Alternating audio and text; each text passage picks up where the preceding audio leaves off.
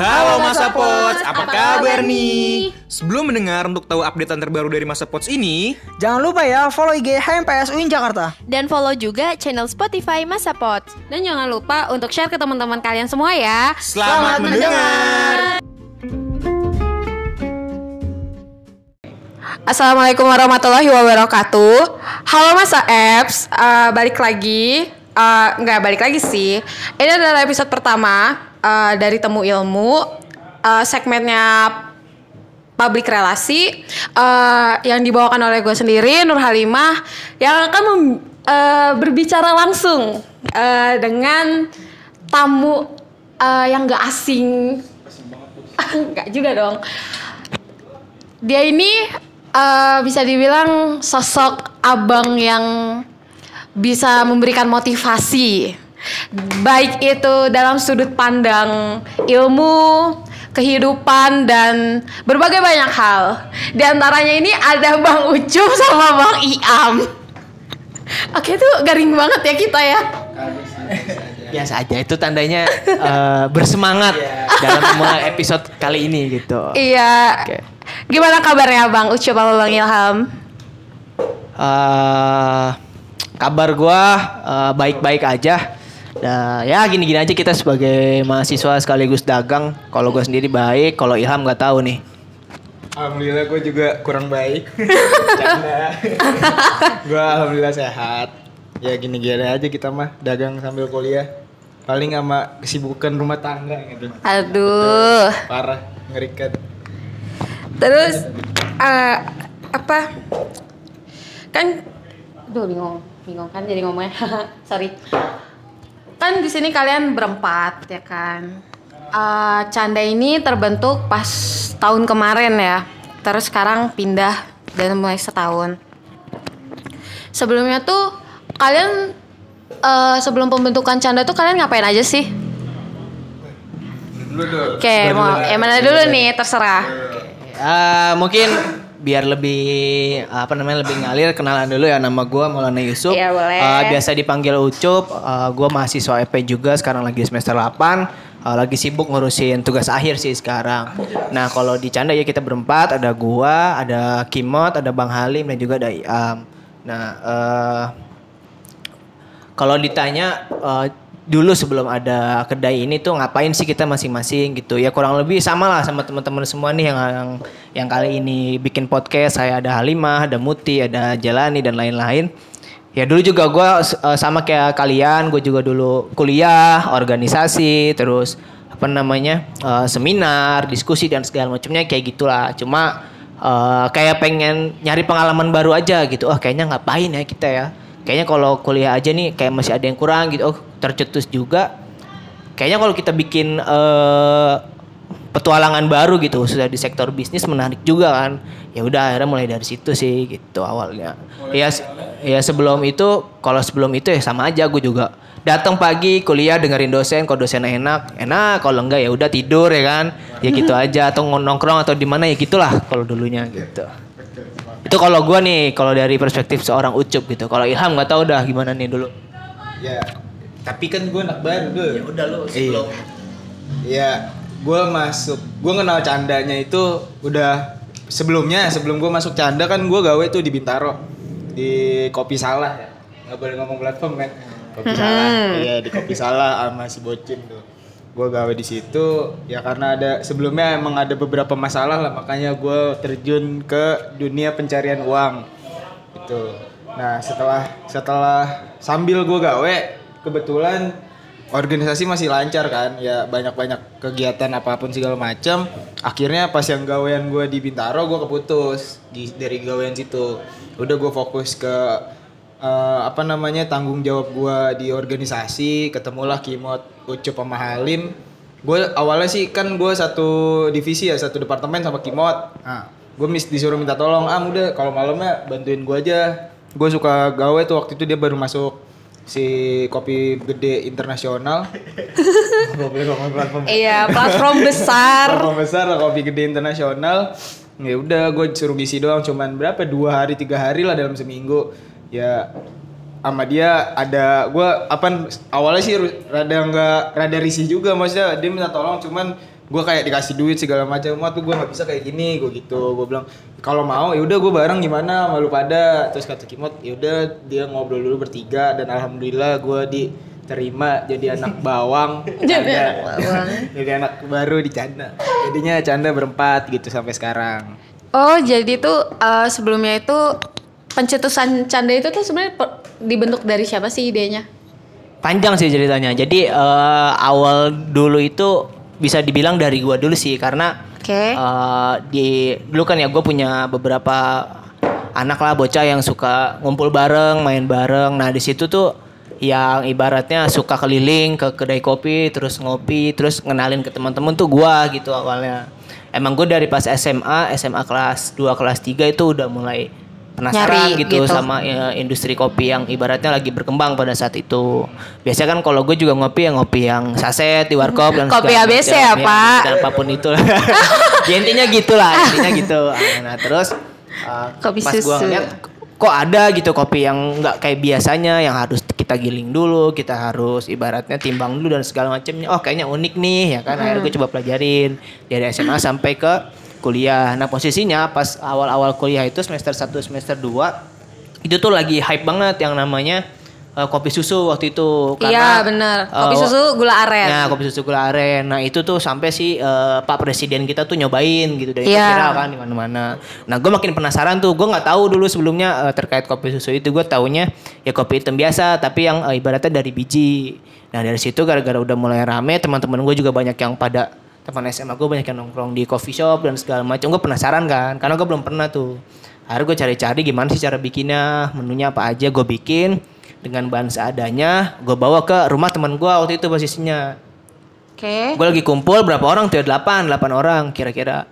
Gue bawa kopi eh, yang udah gue giling dari rumah, terus gue bawa gula aren, terus susunya gue belilah susu biasa di deket eh, rumah teman gue, gue beli, gue bikin di rumah dia, bikinlah tiga gelas waktu itu, udah tuh tiga gelas.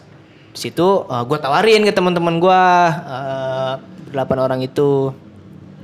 Eh, gimana eh, lu pada demen ngopi nggak nih cobain gue habis bikin kata dia gitu Eh, Terus? akhirnya wah boleh juga nih enak katanya gitu kan walaupun ada beberapa yang emang yang cewek-cewek nggak demen ngopi ya Iya. Kalau cowok-cowok wah kayaknya boleh juga nih gitu nah di situ posisinya ada si eh, Kimot Ya, jadi gua sama Kimot lagi di rumah temen gua lagi kumpul gua bikin Kimot nyobain Eh, dari situ belum ada rencana kalau misalkan kita mau bikin eh, kedai gitu cuma lama kelamaan dari situ eh, Kimot juga nyeletuk gimana kalau kita eh, seriusin nih cup eh, di du- apa namanya Dunia bisnis. Nah di dunia bisnis ini gimana kalau kita bikin ya kedai-kedai kecil lah pada saat itu. Nah dari situ gue juga nggak kepikiran, toh gue cuma hobi, gue suka, gue demen bikin ini itu. Eh, terus teman-teman gue juga alhamdulillah positif. Dari situ gue sama Kimot tuh awalnya, gue juga ah boleh nih, udah kita pelajarin dulu gimana cara-caranya segala macamnya. Akhirnya tercetuslah dari situ, gue berdua sama Kimot.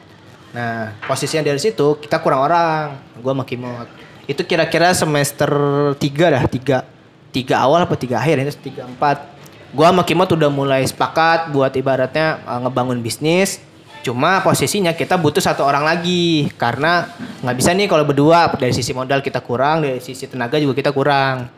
Oke. akhirnya posisinya di situ ternyata gue juga kan sering main ke kosannya Bang Halim waktu itu. Kosan Bang Halim di Kampung Hutan sama bocah-bocahnya sering gabung juga sama anak-anak 16 sering gabung. Nah ternyata Bang Halim juga demen kopi di situ. Nah, Bang Halim itu sampai waktu itu dia ikut eh Training giveaway. gitu? nggak ikut Oh. giveaway dulu ikut giveaway eh, dapat uang berapa? lima ratus ribu kalau nggak salah.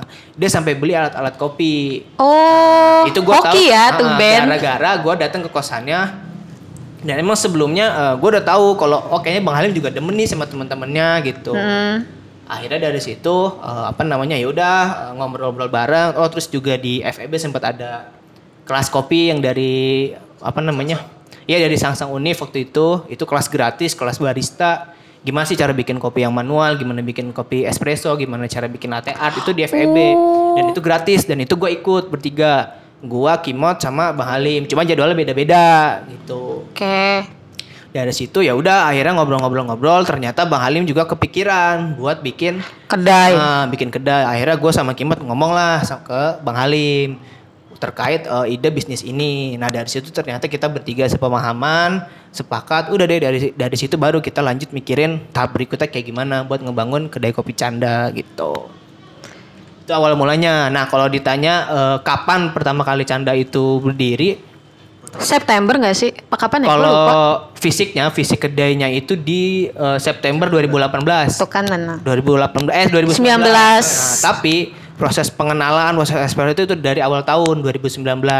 Kayak misalkan dulu awal-awal sebelum gue bikin kedai bertiga itu kita bikin kedai, eh, kita itu udah keliling buat nawarin produk yang botolan. Kalau misalkan teman-teman pada tahu, Eh, bikin di kosan, bikin di rumah Kimot, di kosan Bang Halim, tawarin ke anak-anak di FEB dulu buat respon produknya kayak gimana.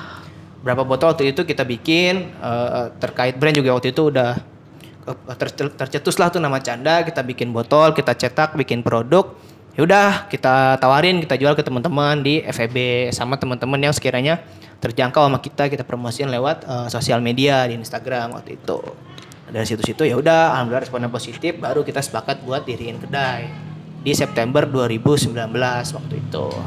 Tuh. Nah, kan lu berarti kan cara promosinya kan berarti dari orang ke orang sebelum adanya kedai ya bang awalnya. Nah itu tuh respon orang-orang kayak gimana sih? Dan eh gimana ya?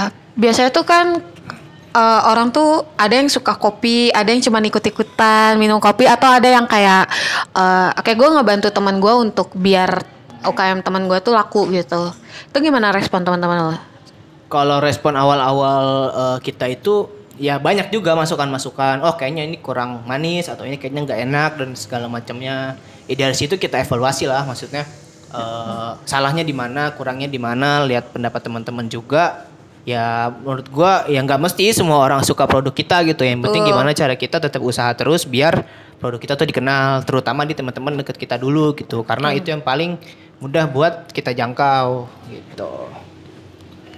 Terus tuh kalau di Bang Iam nih ya, Kenapa kenapa? karena kan kita bertiga nih ya, berbeda angkatan lah ya, Iya. kan respon perangkatan beda-beda dan lu pasti menjualkan ke teman-teman lu tuh Iya. kayak gimana tuh respon teman-teman lu sendiri? Sebenarnya itu salah satu strategi dulu ya.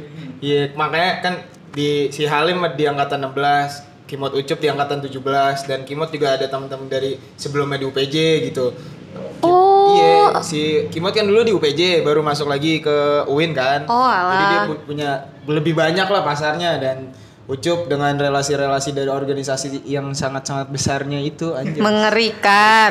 Nah, gue masuk dengan angkatan gue 8, maksudnya gue angkatan 18 ya sedikit memba sedikit apa ya mar- marketnya jadi lebih besar lebih ba- lebih banyak juga di angkatan gue emang menurut kalau yang dari pemikiran apa nih ya, yang gue tangkap sih yang relate lah karena Canda kan awalnya mau eh, ngebuka pasarnya itu di FEB dulu di kalangan EP dulu lah kejangkau nih. Nah, Oke. dari tiga angkatan ini alhamdulillah keta- ketangkep ketarik semua.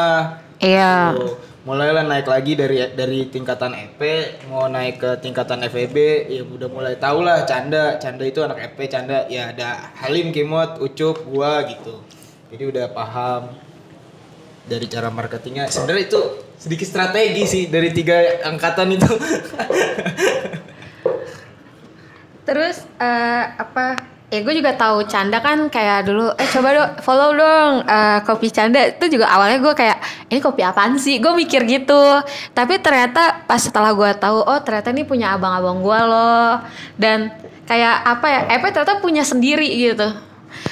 Eh, apa usahanya. Terus nih gue dengar dengar nih ya bang katanya eh, sebelumnya kan Canda itu kan di mana sih? Di Jombang ya di perapatan Duren Oh ya, Ah, Perapatan di Duren. Terus sekarang kita pindah ke apa? WR Supratman Kampung Hutan. Supratman, Gang Keramat sih lebih tepatnya.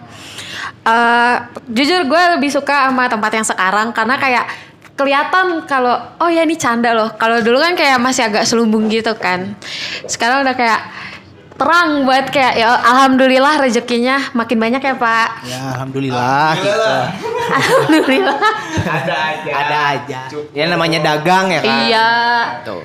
Tapi eh, kalian tuh ada nggak sih niatan kayak gue mau buat cabang baru nih gitu atau kayak gue mau ningkatin canda deh biar kayak semua orang-orang bisa ketampung gitu. Eh, mungkin yang dari awal dulu pertanyaannya. Apa? Oke. Story story dari awal ya. Nah, Oke. yang kan yang tadi Ucup bilang Canda itu sebelumnya sebelum buka ruko kita dagang botolan dulu dulu ya. Canda itu walaupun gue belum masuk gitu. Nah dari dagang botolan itu kekumpul lah dana itu buat modal, buat beli mesin segala Oh, macam, buat beli oke. alat, beli mesin espresso yang bukan sekarang yang lama yang boxer. Nah, habis itu bertiga dulu nih dulu ya PT-PT kan buat buat beli buat sewa ruko. Emang tujuan awalnya PT-PT itu buat nyewa ruko yang seadanya dulu dah. Makanya dulu di perempatan Duren walaupun ya bisa dibilang seadanya bener-bener seadanya kayak kurang layak emang rada masuk ke dalam apa samping-sampingan sama apa namanya sama steam Steam. motor, steam mobil gitu rada terkeganggu gitu airnya kadang masuk gitu ya kan. Soalnya bener-bener dulu mikirnya yang ada dulu jalanin dikit-dikit dikit baru kita upgrading gitu. Tuh. Nah, cuman pahitnya waktu itu pas kita udah mulai merangkak ke atas, datanglah si covid ini nih, covid perkopitan. Iya, kita akhirnya ya udah bukan gulung tikar, kita vakum dulu. Iya. Jadi iya hampir tiga bulanan kita vakum, kita nyewa kontrakan, kita nyewa kontrakan buat bikin botol literan. Iya, gue sempet liter, tuh ya, beli. liter setengah liter dengan gila-gilaan promonya beli berapa aja kita antar ke mana aja gitu Dulu ya mulai ngangkat lagi terus udah gimana ya udah udah jenuh juga masa gini-gini aja canda mati lama-lama pemikirannya itu pemikiran canda ya waktu itu wah jangan sampai market FEB ini hilang lagi kita udah capek-capek nge- Ngerintis. ngerintis dan narik-narik orang-orang FEB terus sekarang vakum cuman jual literan ya udah kita beraniin lagi buka di sini nih di ke arah Pondok Ranji ini gitu dengan modal yang sebelumnya lagi yang gimana ya? Kayak lucu deh storynya. Sebelumnya kita buka kedai yang lama kita dagang botolan lagi. Terus kita buka lagi yang sekarang kita dagang botolan juga sebelumnya gitu. Ya alhamdulillah kekumpul walaupun dengan banyak tangan ya alhamdulillah. Dekor-dekor murah lah gini. Tapi segini keren sih. Iya keren alhamdulillah. Makanya relasinya sih. Relasinya. Om gua. Ini om gua dekoran om gua kapan lagi murah dekorannya dapat partisi ya kan. Dari situ. Terus yang, yang tadi terakhir apa? Eh, apa nanti tuh Next selanjutnya. Ah, ah, next captornya lah Gue belum berani dulu, belum rilis gitu dulu ya. coming soon ya Ah, berarti bisa di spoilerin dong Ah, gimana ah, ke depannya mau ngapain gitu ya kita ya? Iya, Ah, betul. Sebetulnya kita pun bisa dibilang masih di, masih banyak hal-hal yang pengen dilakuin, terus juga masih banyak eh, persoalan-persoalan yang harus kita hadapin gitu karena ternyata benar eh, mas- dari masukan banyak orang untuk membangun bisnis atau usaha itu yang gak gampang gitu kan. Kayak misalkan kalau pas kita awal-awal buka di tempat perapatan duren, kita uh, sama-sama kena musibah ya kan, karena kita ada pandemi datang. Udah gitu posisinya waktu itu kan uh, pas banget Februari itu kita kena musibah juga sebelum Covid. Mesin kita itu rusak, mesin kopi kita rusak sehingga satu bulan full kita nggak bisa buat dagang kopi waktu itu. Akhirnya kita dagang kopinya kopi yang seduh manual sama minuman-minuman yang bukan kopi. Nah sedih juga sih waktu itu. Udah gitu pas Maret eh, pandemi kan, pandemi eh, akhirnya terpaksa kita nggak Berarti kita istirahat dulu deh sebentar karena memang eh, terkait regulasi, terkait at- eh, apa namanya kondisi di sana juga nggak memungkinkan buat dilanjut. Banyak juga kedai-kedai di daerah sana yang pada akhirnya tutup dulu untuk sejenak gitu. Ya gitu. Akhirnya kita bikin strategi. Dulu juga sempat kepikiran apa namanya? Ini apa kita udahan aja pas covid karena kondisi nggak memungkinkan ya kan. Akhirnya uh, baru berjalan 3-4 bulan kita kena uh, musibah, kena pandemi. Kita juga ngedown waktu itu. Kayaknya udah nggak mungkin nih kita buat lanjut dagang dengan kondisi kayak gini. Kita juga nggak tahu ke depannya bakal kayak gimana.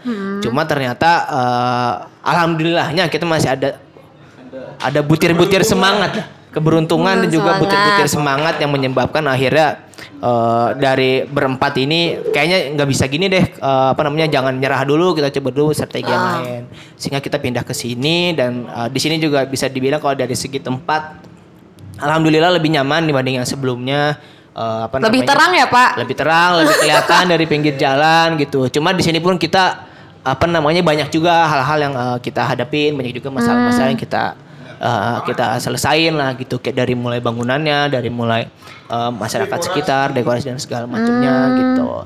Terkait ke depannya ya eh, ke depannya eh, kita masih belum apa namanya belum belum pasti mau eh, ngapain lagi. Yang pasti kita mau lebih ibaratnya ngenalin eh, kedai ini ke lebih luas gitu karena terutama eh, apa namanya di daerah sini gitu di daerah Pondok Ranji dulu karena bisa dibilang ini pun kita belum settle banget bisa dibilang harus masih berusaha ekstra buat ngenalin produk kita ke daerah sekitar nah terus apa namanya eh harapannya sih kedai ini tetap eh, berkembang ke depannya Amin. gitu. Mungkin Amin banget lah, eh, harus. berkembang ke depannya, tetap eksis di dunia industri kopi, tetap eh, terbangun jaringan dengan eh, sesama pelaku usaha, eh, terus juga apa namanya? eh, banyak juga kemarin teman-teman yang ngajakin kolaborasi kayak misalkan yuk kita bikin ini yuk eh, sama kedai sama kedai kopi sama apa namanya teman-teman lain juga yang punya usaha pada ngajakin kita buat joinan bareng bikin produk yang bisa dijadiin satu ke eh, dijual gitu. Oh. Terus juga ada banyak kayak misalkan eh, kayak si ada teman gua, teman gua dia bisa bikin kue. Nah, sempat juga taruh dagangan di sini cuma belum produksi lagi. Dia ngajakin buat kolaborasi bikin paket gitu buat misalkan hampers dan segala macamnya. Terus juga banyak teman-teman yang minta eh, kita buat eh, franchise gitu. Kayak misalkan ada beberapa temannya Kimot udah nanyain gimana sih cara buka kedai gitu, minta tolong dong.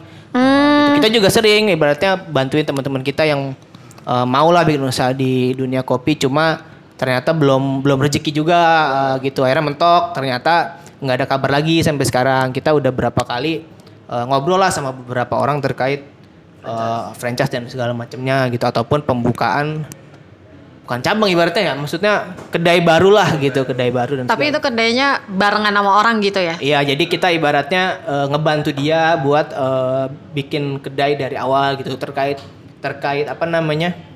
Entah itu konsepnya mau bawa nama canda atau gimana ya itu ke- kesepakatan masing-masing, ya kesepakatan bareng-bareng gitu nanti. Cuma yang pasti banyak orang-orang yang ngajak kita buat eh, ke hal itu gitu. Terus juga terakhir kemarin eh, minggu lalu ya. Ya, dua minggu lalu lah, dua minggu lalu. ada Kenapa yang, itu? eh, ngajakin kita buat kolaborasi eh, yang tapi yang ini lebih kepada eh, apa namanya joinan bisnis bareng dan itu eh, masih tahap diskusi juga gitu kita sama Oh, dia oke. kelanjutannya kayak gimana apakah jadi untuk eh, gabung atau gimana gitu karena banyak hal yang harus kita pertimbangin dari mulai biaya dari mulai alat-alat dari mulai tempat dan segala macamnya gitu sih Cuma yang pasti kita masih berusaha biar kedai ini tetap bertahan, tetap berkembang dan juga eh, ibaratnya jadi tempat kumpulnya orang-orang lah dengan nyaman gitu. Terutama ya kalau karena kita eh, ibaratnya dari jurusan yang sama nih anak EP ya bisa aja buat teman-teman anak EP yang mau kumpul di sini atau anak EP mau kumpul di sini atau siapa pun lah intinya. Bahkan anak saintek ya. Iya, di sini gitu. Kalau dari kampus sih gitu harapannya secara secara khusus ya, secara khusus anak-anak kampus terutama di UIN bisa lah buat kumpul di sini secara umum ya masyarakat luas gitu. Iya, eh, jujur aja sih, eh, menurut gua tempat ini itu adalah tempat untuk gua mengadu gitu. Kayak gue kalau galau dikit, ah, udahlah gua kecanda aja, udahlah gua kecanda aja ya walaupun gua kecanda cuman buat jadi bahan cakan. Tapi maksud gue tuh kayak, ya udah emang ini tuh buat kayak tempat buat main, tempat pulang buat cerita gitu kan. Terus eh gue sempet kayak kangen banget kopi lu pas lagi covid, sumpah. Kayak gue pernah sampai gue beli gitu. Iya lu mesen latte setengah liter. Iya tuh. Tuh gue saking kayak ya gue kangen banget gitu kan. Terus apalagi ya? Banyak lah canda itu tuh menurut gue adalah tempat pulang sih kalau gue bilang. Don't to earth, don't to earth. Itu aja. Tapi kalau apa namanya emang sih sebetulnya kenapa akhirnya kita pakai nama eh, canda walaupun banyak orang yang salah nyebut ya nyebut aja janda gitu ya. Iya. Ya, ya itu it's okay gitu. Itu kenapa bisa? Gue juga bingung loh. Eh. Kok namanya itu kan kopi canda tapi ber T janda dan itu tuh logonya tuh perempuan, Perempuan. gitu. Itu ada apa, Pak? Karena memang awalnya eh, kita sebetulnya pengen punya eh, kedai, pengen punya tempat yang itu ibaratnya tempat yang buat santai-santai aja gitu, buat sa- buat seru-seruan, buat Iya. bercanda bareng, buat santai bareng, bukan buat hal yang serius dan segala macamnya. Emang kayak gitu awalnya dan dan memang kita udah prediksi bakal ada yang bilang canda, ada yang bilang eh, janda gitu ya. itu nggak masalah emang karena tujuan kita biar pada lucu aja gitu. Ya dua-duanya bisa dibilang ya bener-bener aja kok gitu. Dan emang tujuan awalnya itu biar orang ke sini tuh bawaannya santai, rileks, bisa ngobrol bareng sama kita selaku eh, apa ibaratnya selaku pemilik kedai, selaku penjaga kedai lah, tukang seduri kedai gitu. Jadi biar interaksi di sini gitu karena eh, nama canda ini tujuannya biar buat kita bercanda bareng lah ibaratnya gitu. Betul. Terus eh kan lu tadi sempat nyebutin nih ya bang, yang kata lu bakal ada project dengan beberapa kedai lain. Berarti kan lu sudah eh, membangun relasi nih ya bang.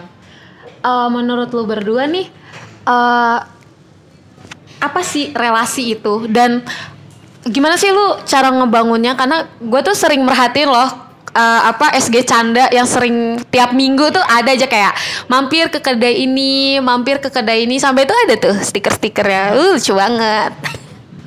Gimana ya kalau yang gue tahu dan sepengetahuan gue kalau misalkan bis- bisnis di bidang kopi ya itu tuh buka, beda banget sama bisnis bisnis di bidang lain gitu. Biasanya kan kalau di bisnis bidang lain tuh kayak bener-bener sikut-sikutan bener-bener apa ya colong-colongan customer yang sedangkan pas gue coba sendiri gitu ngebuka kedai apa namanya bisnis di kopi ini kayak nggak ada tuh maksudnya. Emang ada sih beberapa orang yang ya bisa dibilang pendekar-pendekar kopi lah yang datang ya sok-sokan. Ya bukan sok-sokan emang mungkin dia punya kelebihan dari lidahnya cabang 8 gitu ya kan. Bisa bisa merasakan semua kopi. Ini nih ada tanahnya ada ada ininya siapa tahu. Nah Iya. tapi yang gue tahu kalau kopi sendiri itu emang bener-bener gimana ya relasinya sih yang maksudnya kita buka nih kedai kopi lain kedai kopi di samping gua. iri bukan kayak gitu tapi dia main. Ya nggak Hmm. nggak menutup kemungkinan kita juga bisa main kita juga main ke mana-mana ya. Kita ngobrol bener belak-belakan kita datang ke tempat kopi lain kayak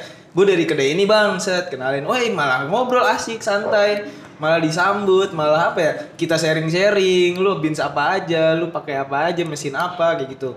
Bahkan gue pas pulang kampung pun gue kan di sono di kampung gue udah mulai mulai berjamur Banyak. juga lah Ha. ya kedai-kedai kopi gue main set ya gue tahu sedikit-sedikit kopi gimana gue ngobrol sama baristanya gini-gini gue gue perkenalkan diri lah gue punya kedai canda di di Ciputat segala macam gue malah diterima disambut gitu kayak nih bang ada ilmu ini loh dari sini nih di tempat ini biasa kayak gini kayak gini customer kayak gini.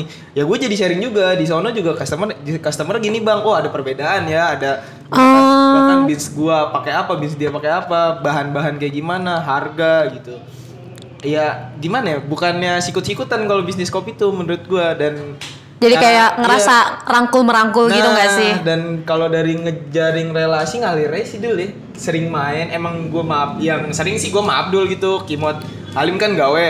Ya gue kadang main ke mana ke mana minta foto dulu posting gak? Gue fotoin dulu tempatnya gitu. Kalau dulu gimana dulu? Apa terkait relasi ya? Iya. Eh, emang kalau apa namanya eh, pertama dari perspektif kedai itu bahwasanya ya kedai canda ini kedai kopi canda ini bukan sebuah kedai yang wah gitu. Bukan kedai yang mewah dalam artian wah udah paling bagus dalam segalanya gitu. Oh, iya. Kita pun di sini masih perlu banyak belajar, masih perlu banyak masukan, banyak kritik, banyak saran dan segala macamnya. Dan karena itu eh, yang dibilang Ilham tadi gitu di kopi itu bener-bener sebetulnya ada kalau misalkan teman-teman eh, ibaratnya mampir ke kedai eh, entah itu nongkrong atau apa eh, ngelihat eh, ngobrol dikit aja sama baristanya banyak cerita yang bisa disampaikan gitu dari mulai eh, kopinya eh, cara menyeduh harga dan segala macamnya itu bisa sharing. Dan ternyata memang di dalam dunia kopi itu salah satu yang bikin industri kopi berkembang yaitu komunitasnya gitu. Komunitas dalam arti eh, jaringan antar satu kedai ke kedai yang lain gitu. Kayak misalkan eh, eh, kedai ini mampir ke kedai ini nanti ngajak bikin acara ini dan segala macamnya. Nah itu yang bikin eh, ibaratnya ikatan antar sesama kedai itu eh, nyambung lah gitu. Eh, dari situ dan gue juga sebetulnya pertama eh, terinspirasi dari beberapa kedai yang sering gue datengin. Kayak misalkan eh, adalah salah satu kedai di Pamulang yang eh, apa namanya setiap minggu itu dia keliling. Keliling ke kedai-kedai di story di post di tag dan segala macamnya. Awalnya gue bingung kan eh, kok kok dia kayak gini? Bukan itu secara nggak langsung ngehancurin bisnis ya? Karena kan eh, bisa jadi ternyata kedai yang dia posting itu itu lebih bagus daripada kedai dia sendiri. Awalnya gue mikirnya gitu ya kan? Tapi nyatanya? Tapi ternyata ada tujuan lain selain apa namanya di balik itu semua. Yang paling pertama yang paling utama itu yang ngebangun uh, jaringan antar kedai. Karena kenapa? Kayak misalkan dari situ gue pun mulai eh, keliling ke kedai-kedai yang sekiranya gue sering lewatin. Mampir ngobrol. Kayak misalkan di Depok ada namanya algoritma algoritma kopi. Algoritma kopi itu unik. Eh, dia itu kedai kopi tapi di gang. Loh, kita dari dalam gang. Kita tuh kan di pinggir jalan ya. Iya. kalau canda kan di pinggir jalan. Algoritma tuh di gang gitu. Bener-bener di gang literally di gang di perumahan di ko- eh, di kampung lah di kampung. Di Buset, Depok. terus, terus? dan itu bisa dibilang jalan cuma muat satu motor gitu. Hmm, nah itu kan dekat dari rumah gua. Gua penasaran kan karena eh, algoritma ini walaupun dia te- di kampung di ibaratnya di jalanan kecil mobil nggak bisa lewat eh, motor juga harus eh, ganti-gantian ya itu. Tapi di situ kedai dia rame maksudnya rame eh, banyak orang yang mampir ke dia oh. terutama di eh, komunitas kopi. Nah, dari situ kan gue penasaran kan, kok bisa eh, kedai yang eh, dia ibaratnya di kampung di jalan kecil tapi tetap bisa em, menjual eh, produknya gitu, tetap bisa punya nilai gitu. Nah dari situ gue banyak sharing sama Bang Andri waktu itu yang punya algoritma. Gimana sih Bang cara bikin kedai yang unik? Gimana sih cara bikin kedai yang walaupun ibaratnya dengan modal yang nggak banyak kita bisa tetap punya nilai gitu, punya value yang bisa kita tawarin ke masyarakat atau ke konsumen. Terus ada juga eh, kedai di mana ya? Di Depok. Di Depok ini di eh, kalau Depok algoritma kan Depoknya Depok Cinere. Nah, ini Depoknya Depok Beji nih, Depok eh, Beji Kukusan. Nah, dia punya program namanya itu Depok Coffee Weekend. Depok Coffee Weekend itu kedai-kedai di Depok itu sepakat buat eh, bikin satu harga di weekend. Jadi semua kedai yang tergabung dalam komunitas Depok Coffee Weekend punya ibaratnya strategi ibaratnya strategi promosinya kerjasama biar ibaratnya eh, punya satu harga di satu menu yang semua kedai itu sama sehingga kita bisa eh, ibaratnya eh, jadi wah banyak nih banyak pilihan buat ke Depok dan harganya sama semua loh gitu. Nah, itu juga dia sekaligus ngebangun budaya budaya buat eh, ngopi di pagi hari karena promonya itu Depok Coffee Weekend itu promonya di pagi doang gitu. Rata-rata kan kita kan kalau kedai kalau ngopi itu kan malam. Nah dia budayain kopi pagi dan itu nggak bisa berdiri sendiri. Program itu bisa bisa jalan gara-gara antar kedai itu bersatu buat bikin acara itu gitu. Kayak misalkan di Pamulang, di Pamulang juga kayak gitu kulturnya eh, saling eh, apa namanya saling bantu.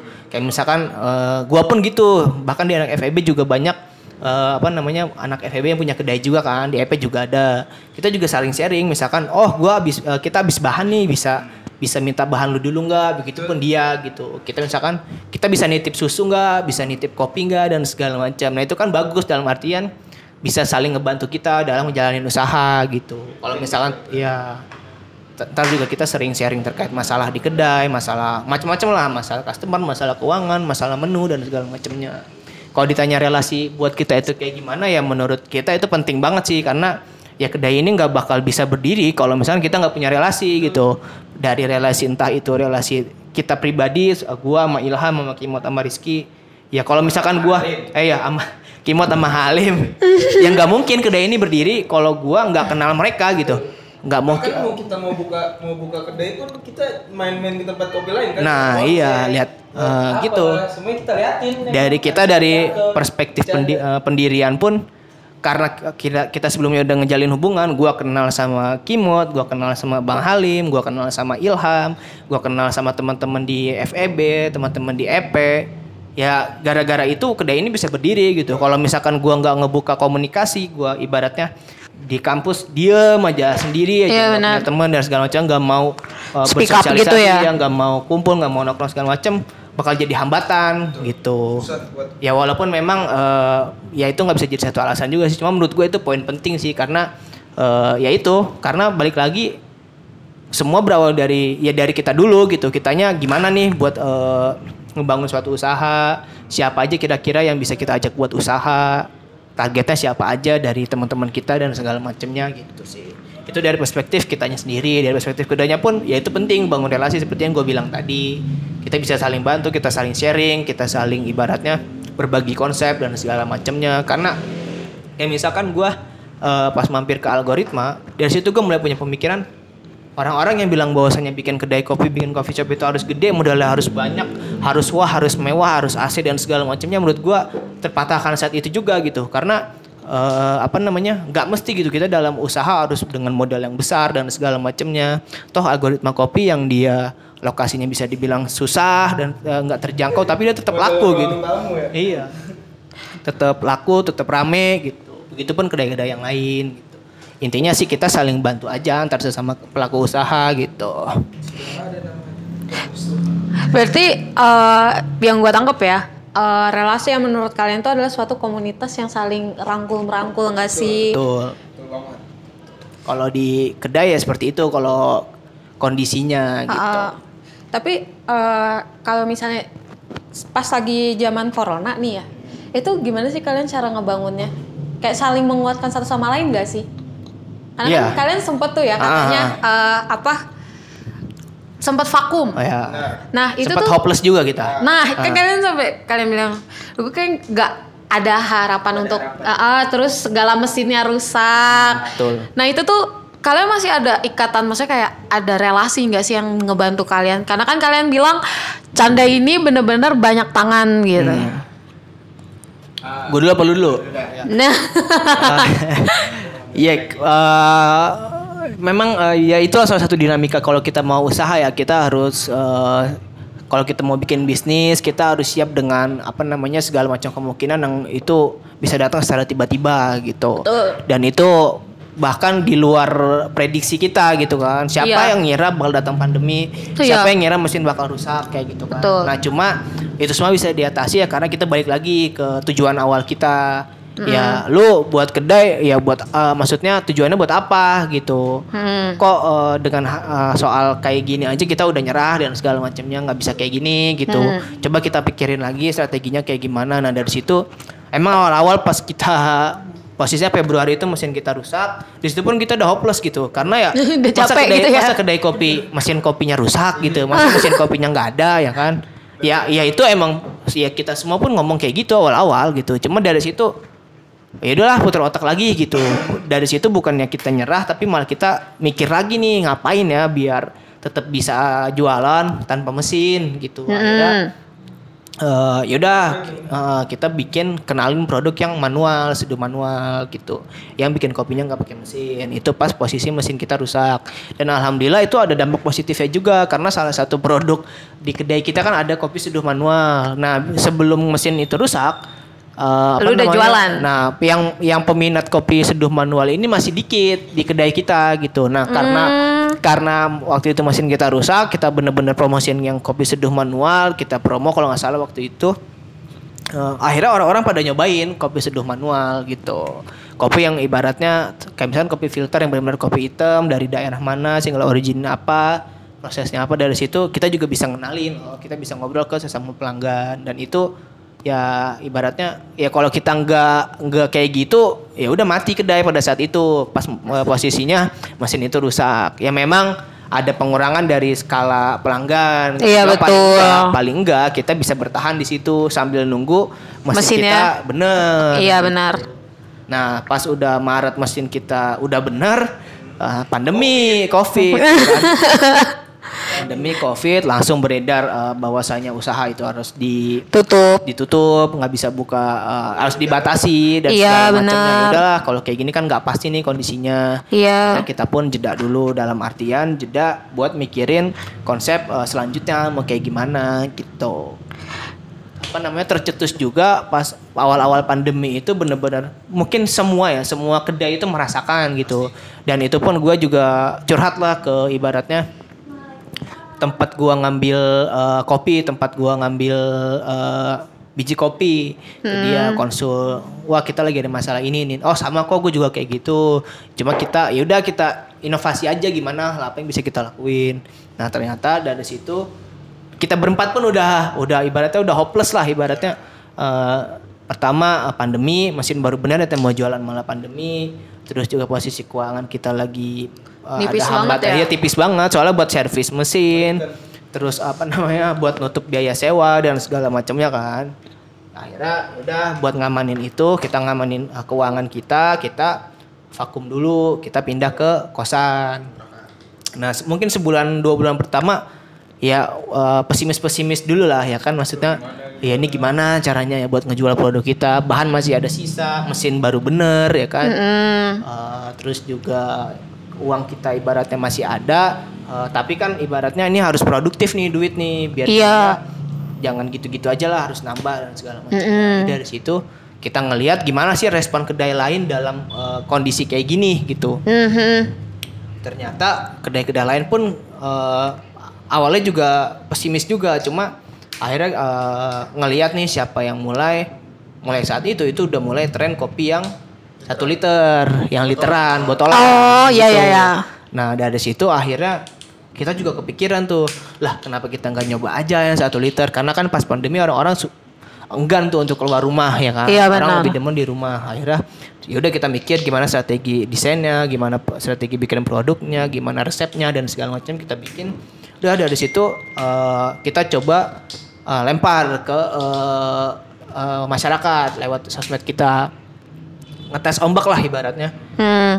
kita udah jual produk literan loh siap anter eh, selama radius sekian sekian sekian gitu Iya, betul. Nah, ternyata eh, pertama respon dari teman-teman kita pun mendukung gitu. Banyak yang beli dari teman-teman kita, terus juga banyak dari eh, ibaratnya dari luar bahkan bahkan dari eh, relasi orang tua orang tua kita yang kerja gitu kan. Iya. Di kantornya teman teman kantor, teman lama segala macam juga banyak yang pesen waktu itu. Sudah dari situ ya udah timbul lagi tuh semangat kita buat dagang gitu yang tadinya udah Ah. hopeless Uh, gara-gara respon masyarakat juga positif, saling sesama kedai juga saling bantu, saling inovasi. Ya udah, akhirnya kita memutuskan buat lanjut gitu dengan konsep yang lebih matang gitu. Itu kalau dari gue sih. Sebagai tukang kurirnya bagaimana? Sebenarnya kalau kurir bareng berempat. Ya, kalau mungkin dari awal ya maksudnya gimana cara ngejaga relasinya itu kebetulan kan kita udah ada grup maksudnya nggak mungkin nggak ada grup kita di grup juga maksudnya pas yang kata lagi mikir pas awal banget covid kayak gimana segala macam kita ngitung lagi keuangan kayak gimana dari awal wah makin lama makin turun makin turun. Mau nggak mau yaudah kita cabut aja. Tadinya pikiran bareng-bareng mau di kontrakan gua yang bareng-bareng sama ada angkatan gua ada angkatan lu juga tuh. Habis itu ya udah gue bisa kita gue gue cabut dari kontrakan itu akhirnya kita sepakat tuh ke kontrakan itu tujuannya awalnya buat naruh barang doang iya daripada kita dagang kagak ada dapat apa-apaan barang di situ berdebu lah sampai au diapain tuh? Ya udah sekalian eh udah sekalian jadiin gudang jadiin kebetulan gua ucup kimat masih pada kuliah juga. Iya. tinggal halim dikit-dikit lah skripsi. Ya udah sekalian di situ cabut. Gua langsung gua halim pada cabut dari kosan gitu ya kan. Oke. bareng-bareng berempat di situ alhamdulillah komunikasinya lancar ada di situ. Oh. nah cara cara apa ya cara ngebang ke, apa ya bangkitnya canda lagi kayak semangat oh iya ya ke trigger lagi gitu buat buka lagi ya. Karena pertama kosan gua kosan canda kan tadinya rada jauh tuh. Di mana tuh dekat perempatan Duren juga. Di apa sih? Jombang. Apa dulu bukan. Ya pokoknya masuk Puspa Budoyo dah. Situ. Ya Ah. maksudnya bocah ya bingung juga main di ciputat-ciputat mulu.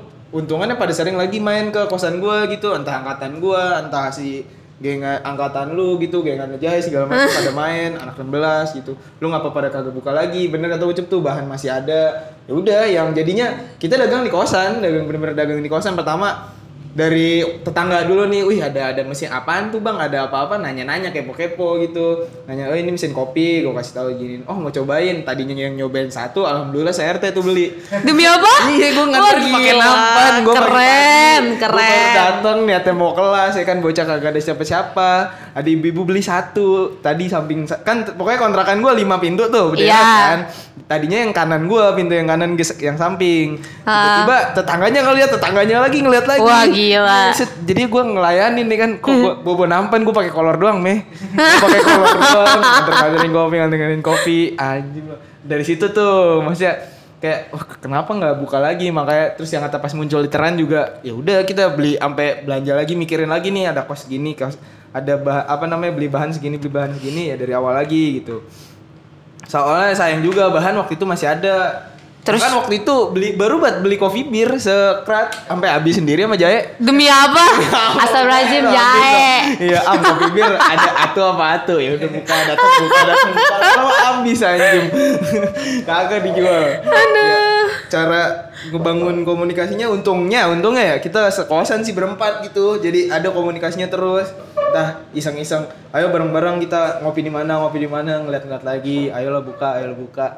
Akhirnya ya udah kesampaian sampai sekarang gitu benar ya kebetulan ya gara-gara sampai akhirnya ngebentuk kedai ini pun ya dari literan itu yang kata tadi ya di kosan dengan relasi-relasi yang panjang yang benar-benar promoan gila-gila gua sampai nganterin ke mana tuh dulu ya ke ke Bogor ke Gila, itu keren sih. baru bukan kebayoran lama ini mah ya kebayoran baru ke mana tuh ya Coba. iya karena ya gimana ya udah nggak ada udah udah abis juga ide mau gimana dagang harus Yang penting laku iya gitu. bener penting laku alhamdulillah dan untungnya gue di situ pada berempat ya cuman seratus ribu. Eh berapa? Dua setengah apa dua ratus ribu gitu satu orang buat kosan. Sisanya ditanggung canda alhamdulillah ketutup gitu. Alhamdulillah. Gitu. nggak berat banget lah kita ngekos gitu lagi pandemi juga kan. Nah ada juga nyisin duit buat beli kuota segala macam. Alhamdulillah tuh waktu itu ada wifi tetangga jebol alhamdulillah jadinya kita betah di situ lumayan bos kuliah gimana ya gitu terus Ngirit-ngirit Iya, duit ngirit. kota gitu. ya habis-habisan sih waktu itu mikir-mikirnya ya udahlah kita nggak ada ongkir segala macam kita kita antar kita antar sampai bener-bener nyari gua nge-share sampai pada lah nge-share nge-share di grup SMA dulu bener-bener ada yang beli ada yang gua nganterin ke Bekasi atau siapa ke Bekasi Zet. bener naik kereta caling mana Palmerah. Palmerah nganterin ke kantor nyokapnya Tanah Abang ke kantor nyokapnya bener-bener ya udah yang penting ada duit gitu. Dan gak kerasa alhamdulillah sih gede banget gitu sampai kebentuk canda yang sekarang Tapi epic loh yang dari apa rumah ke rumah. gila itu loh Ya itu definisi kita jor-joran sih maksudnya. udah buntu sih Iya, gimana gimana caranya eh, gimana caranya produk kita nyampe ke konsumen gitu kan sejauh apa pun gitu yang masih ibaratnya terjangkau. Iya. Ya karena kalau nggak kayak gitu ya kita nggak bakal Maju. iya benar-benar vakum, mentok segala macamnya. Ya udahlah. Iya kan karena memang pas pandemi itu posisinya orang-orang malas buat keluar. Ya Iya, udah kenapa nggak kita yang ke dia aja gitu. Iya. Tuh yang tadinya dia datang ke kita sekarang dibalik. Waktu eh, waktu itu dibalik. Ya udah kita yang datang ke dia gitu. Jadi kayak jatuhnya apa sih? Jemput bola bukan sih? Ya iya, Ah, iya. jemput bola gitu. Dan alhamdulillah ya kita juga sama-sama saling nguatin gitu. Dan posisinya pas gara-gara kita ngekos ya ya mungkin ada urusan masing-masing. Misalkan si Ilham harus balik dulu si Kimot juga harus balik dulu Bahalim juga harus balik dulu ke rumahnya. Tapi pasti dalam seminggu itu kita ada waktu buat bareng-bareng di kosan. Entah itu berapa hari buat ngebahas kelanjutan kedai ini gitu. Nah hal itu yang bikin kita Uh, ya udah kita mulai bareng-bareng, kita lanjutin bareng-bareng. Kalau ada masalah ya selesaiin bareng-bareng gitu. Dari situ alhamdulillah itu bisa dibilang uh, titik uh, apa ya titik balik kita gitu dari produk yang literan itu. Karena kita awalnya nggak nyangka bakal ibaratnya menurut kita itu wah gitu. Hasil penjualan itu menurut kita wah. Pada awal kita nggak nyangka karena pro, kedai, iya kedai lain pun juga banyak yang kayak gitu. Terutama kan harganya bisa dibilang kan uh, kalau kita beli satu liter itu kan kalau secara nominal lebih gede dibanding kita beli satu cup gitu ya kan cuma kan secara komposisi mestinya itu dia lebih murah gitu Iya, ya kan. benar. karena seliter itu itu lebih murah tapi uh, duit dia harus ngeluarin misalkan 65.000 ribu dibanding dia beli satu cup yang harganya 12 ribu atau 15 ribu ya. Iya. akhirnya juga kita mikir emang mau ya eh, ibaratnya konsumen kita ngeluarin uang segini gitu ya kan, Iya. untuk beli satu liter. Awalnya kita pesimis pas kita coba eh, ibaratnya tes ya kan. Banyak yang pesen ya kan. Tiap hari ada aja itu selama satu bulan full kita. Setelah lebaran kalau nggak salah itu posisinya satu bulan full kita dagang eh, literan itu udah berpuluh-puluh botol sih kita udah berapa kali. Iya udah ratusan kali bisa dibilang. Bener-bener kaget sih dari situ. eh, sampai posisinya waktu itu malah eh, karena memang eh, hubungan antar kedai juga ibarat saling terkoneksi. Kedai lain bikin ini kita coba bikin ini. Sampai ke supplier botolnya itu itu habis gitu. Buset demi apa? Habis karena eh, waktu itu posisinya eh, kedai kopi itu lagi tren Oh, buat iya, eh, iya, bikin iya. produk Hah. yang botolan. Literan. Sampai eh, kita datang kosong, datang kosong, datang bisa cuma dibatesin, nggak boleh banyak-banyak belinya. Oh, Itu ya dulu sampai kayak gitu loh, sampai kayak gitu loh. Saking eh, kedai itu eh, tiap tiap kedai itu inovasi gimana caranya sih biar kita jemput bola ke konsumen gitu, bikin produk Hmm. itu. Awalnya juga kita, buset ini habis, ke sini habis, ke sini habis, ke sini habis. Iya emang lucu banget sih. Lucu banget itu. Kita beli susu gampang banget, nyari botol susah banget. Iya. Biasanya susu tuh nyari susu, nyari iya. beans. Dulu juga pas awal-awal kita di kedai yang lama itu beli susu itu jarang kita beli langsung tes satu karton gitu. Nah pas literan kita beli satu karton terus, satu karton beli satu karton beli satu karton beli karena memang permintaannya banyak, gitu. Maka wah semangat kita bikin itu sih. Itu titik balik kita sih dari situ. Itu juga balik lagi dari ya ibaratnya relasi yang udah kita jaga itu loh. Maksudnya uh, uh, gua percaya sama Ilham, gua percaya sama Rizky, begitupun mereka percaya sama gua gitu. Intinya kita sama-sama jalanin ini bareng-bareng lah gitu. Dan ke teman-teman di sekitar kita pun ngedukung gitu untuk ayo buka lagi, gua mau pesen, ayo buka lagi, buka lagi gitu. Dia udah sampai ke kedai kita yang sekarang. Itu sih. Mau nambahin?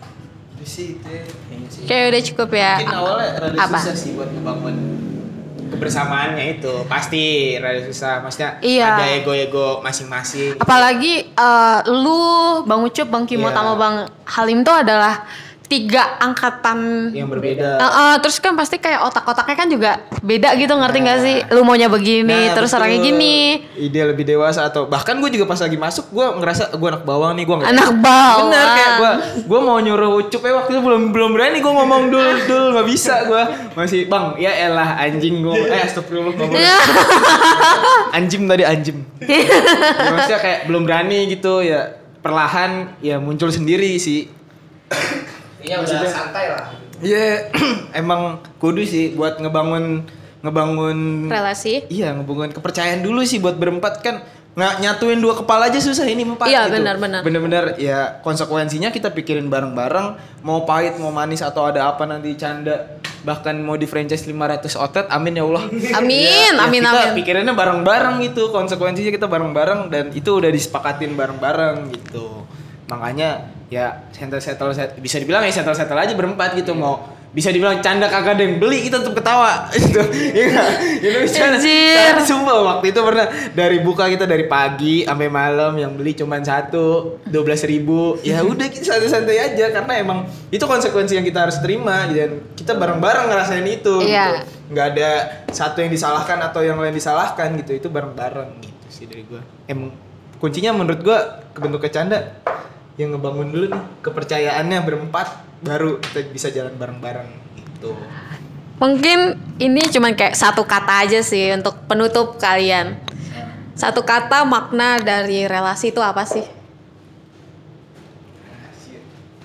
Relasi menurut kita gitu ya. Menurut Iya. gua, menurut gua. Oke. Relasi menurut gue itu eh, ibaratnya hubungan timbal balik sih, saling bantu gitu sih. Mutualisme. Mutualisme lah ibaratnya bisa dibilang gitu. Kalau Ilham gimana? apa ya, relasi. Relasi itu banyak akarnya nantinya. Ba- maksudnya dari relasi itu kan nanti muncul ini lagi muncul ini. Bahkan misalkan gua ketemu satu orang yang tadinya tujuan gue buat beli susu ntar tiba-tiba dia nyambung juga promosi nyambung juga ke mana nyambung juga ke ide-ide lain gitu. Banyak jadinya cakupannya. Lebih muncul lagi muncul lagi kalau relasi gitu kalau menurut gue. Jadi Ada relasi. adalah relasi apa ya panjang banget cok luas banget gitu gue bercabang. bercabang bener Ber- terus terus terus cabang. terus muncul terus muncul. iya terus muncul sih Jaringan-jaringan baru. parah Heeh. Mung- Udah terus terus muncul iya bener cocok segitu. begitu emang IQ gue do- yongok dulu Gitu. emang Mungkin eh, bincang kita sampai sini aja ya Bang. Eh, sebelumnya terima kasih banget udah bagi ilmunya buat eh, masa apps. Eh, mungkin di antara kalian bisa mempromosikan maksudnya kayak eh ayo datang ke Canda gitu. Mungkin Kayaknya gak perlu deh udah tada pada tahu ya canda canda Canda. ya emang sebenarnya tujuan dari canda ini ya tadinya sih pikiran gue sampai gue punya pikiran di canda harus ada nih lambang EP gitu. Loh. Canda itu bener. Soalnya dari awal yang datang anak EP, anak EP, anak EP gitu karena emang tujuan kita waktu itu bener-bener anak EP doang kan gitu. Ya ya mudah-mudahan terus ada lah pengennya sih terus regenerasi dari maksudnya dari setiap angkatan sampai bawah mudah-mudahan kalau canda udah ada cabang atau apa lagi tetap ada anak-anak EP yang ada di canda pengennya sih. Amin. Amin. Mungkin eh, gua aja yang promosi atau kalian aja nih? Gue nggak jago. ya, gue mah kan ceplos-ceplos banget. Eh. Lu jangan jangan lupa pada datang udah gitu doang gue paling kan. ya kayaknya jangan sungkan-sungkan lah, jangan takut, jangan ragu, mentang-mentang atau misalkan berpikir ya kita masih senior dulu ya atau masih di atas kakak tingkat lu, ya ini canda gitu gue nggak ada pikiran kalau udah di luar ya beda lu mau nyapa gue woi woi lar lar gitu laler Iya. bebas lah kalau dicanda gitu bebas lu mau datang ke sini ada masalah atau apa pun bebas di sini Iya, kayak gue. Kalau Gitu. galau ke sini mulu. Emang Epe kan datang ke sini kalau ada masalah bercanda. bercanda guys ya. ya jangan lupa pada datang. Eh, Ah, Ucup yang ganteng. coba. Bang Ucup, Bang Udah, Prometin. itu udah panjang batu dari sana. Intinya buat teman-teman yang yang ibaratnya bingung mau Nongkrong. nongkrong di mana, mau main ke mana, mau ngopi di mana, ya kedai kopi Canda bisa jadi opsi buat teman-teman gitu. Betul. Kita di sini eh, sangat terbuka, mau bahas apa pun yang bisa kita bahas, ya kita bahas gitu. Betul. Mau seputar bisnis, seputar kuliah, seputar kerjaan, seputar yang lain-lain lah, seputar romantisme, romansa masa muda gitu. Aduh. Nah itu bisa juga kita diskusikan di sini karena eh, ya balik lagi kedai ini ya, pengennya jadi tempat teman-teman singgah, teman-teman cerita dan segala macamnya gitu. Yang lokasinya di Lokasinya di Jalan Mer Supratman nomor 22D, Kelurahan Rengas, Kecamatan Ciputa Timur, arah Pondok Ranji gitu. Depan seberang Masjid Jami Ar-Rahmah gitu. Ditunggu kehadirannya teman-teman. Oke. Samping bakso pom perut. Ya, oke. Kalau misalkan di sini kalian lapar, eh, bingung mau makan apa, di sebelah kita ada mie ayam dan bakso pom perut untuk mengisi yang nggak ngerokok sampingnya ada Di f- Vape Store. ada store gitu tenang ada. ada ya, ada kopi di warkop gitu jadi ya intinya ketika ke- teman-teman ke sini nggak usah takut lah kehabisan makanan gitu kehabisan Tenang. pilihan makanan ataupun minuman ataupun apa pun itulah ada semua di sini.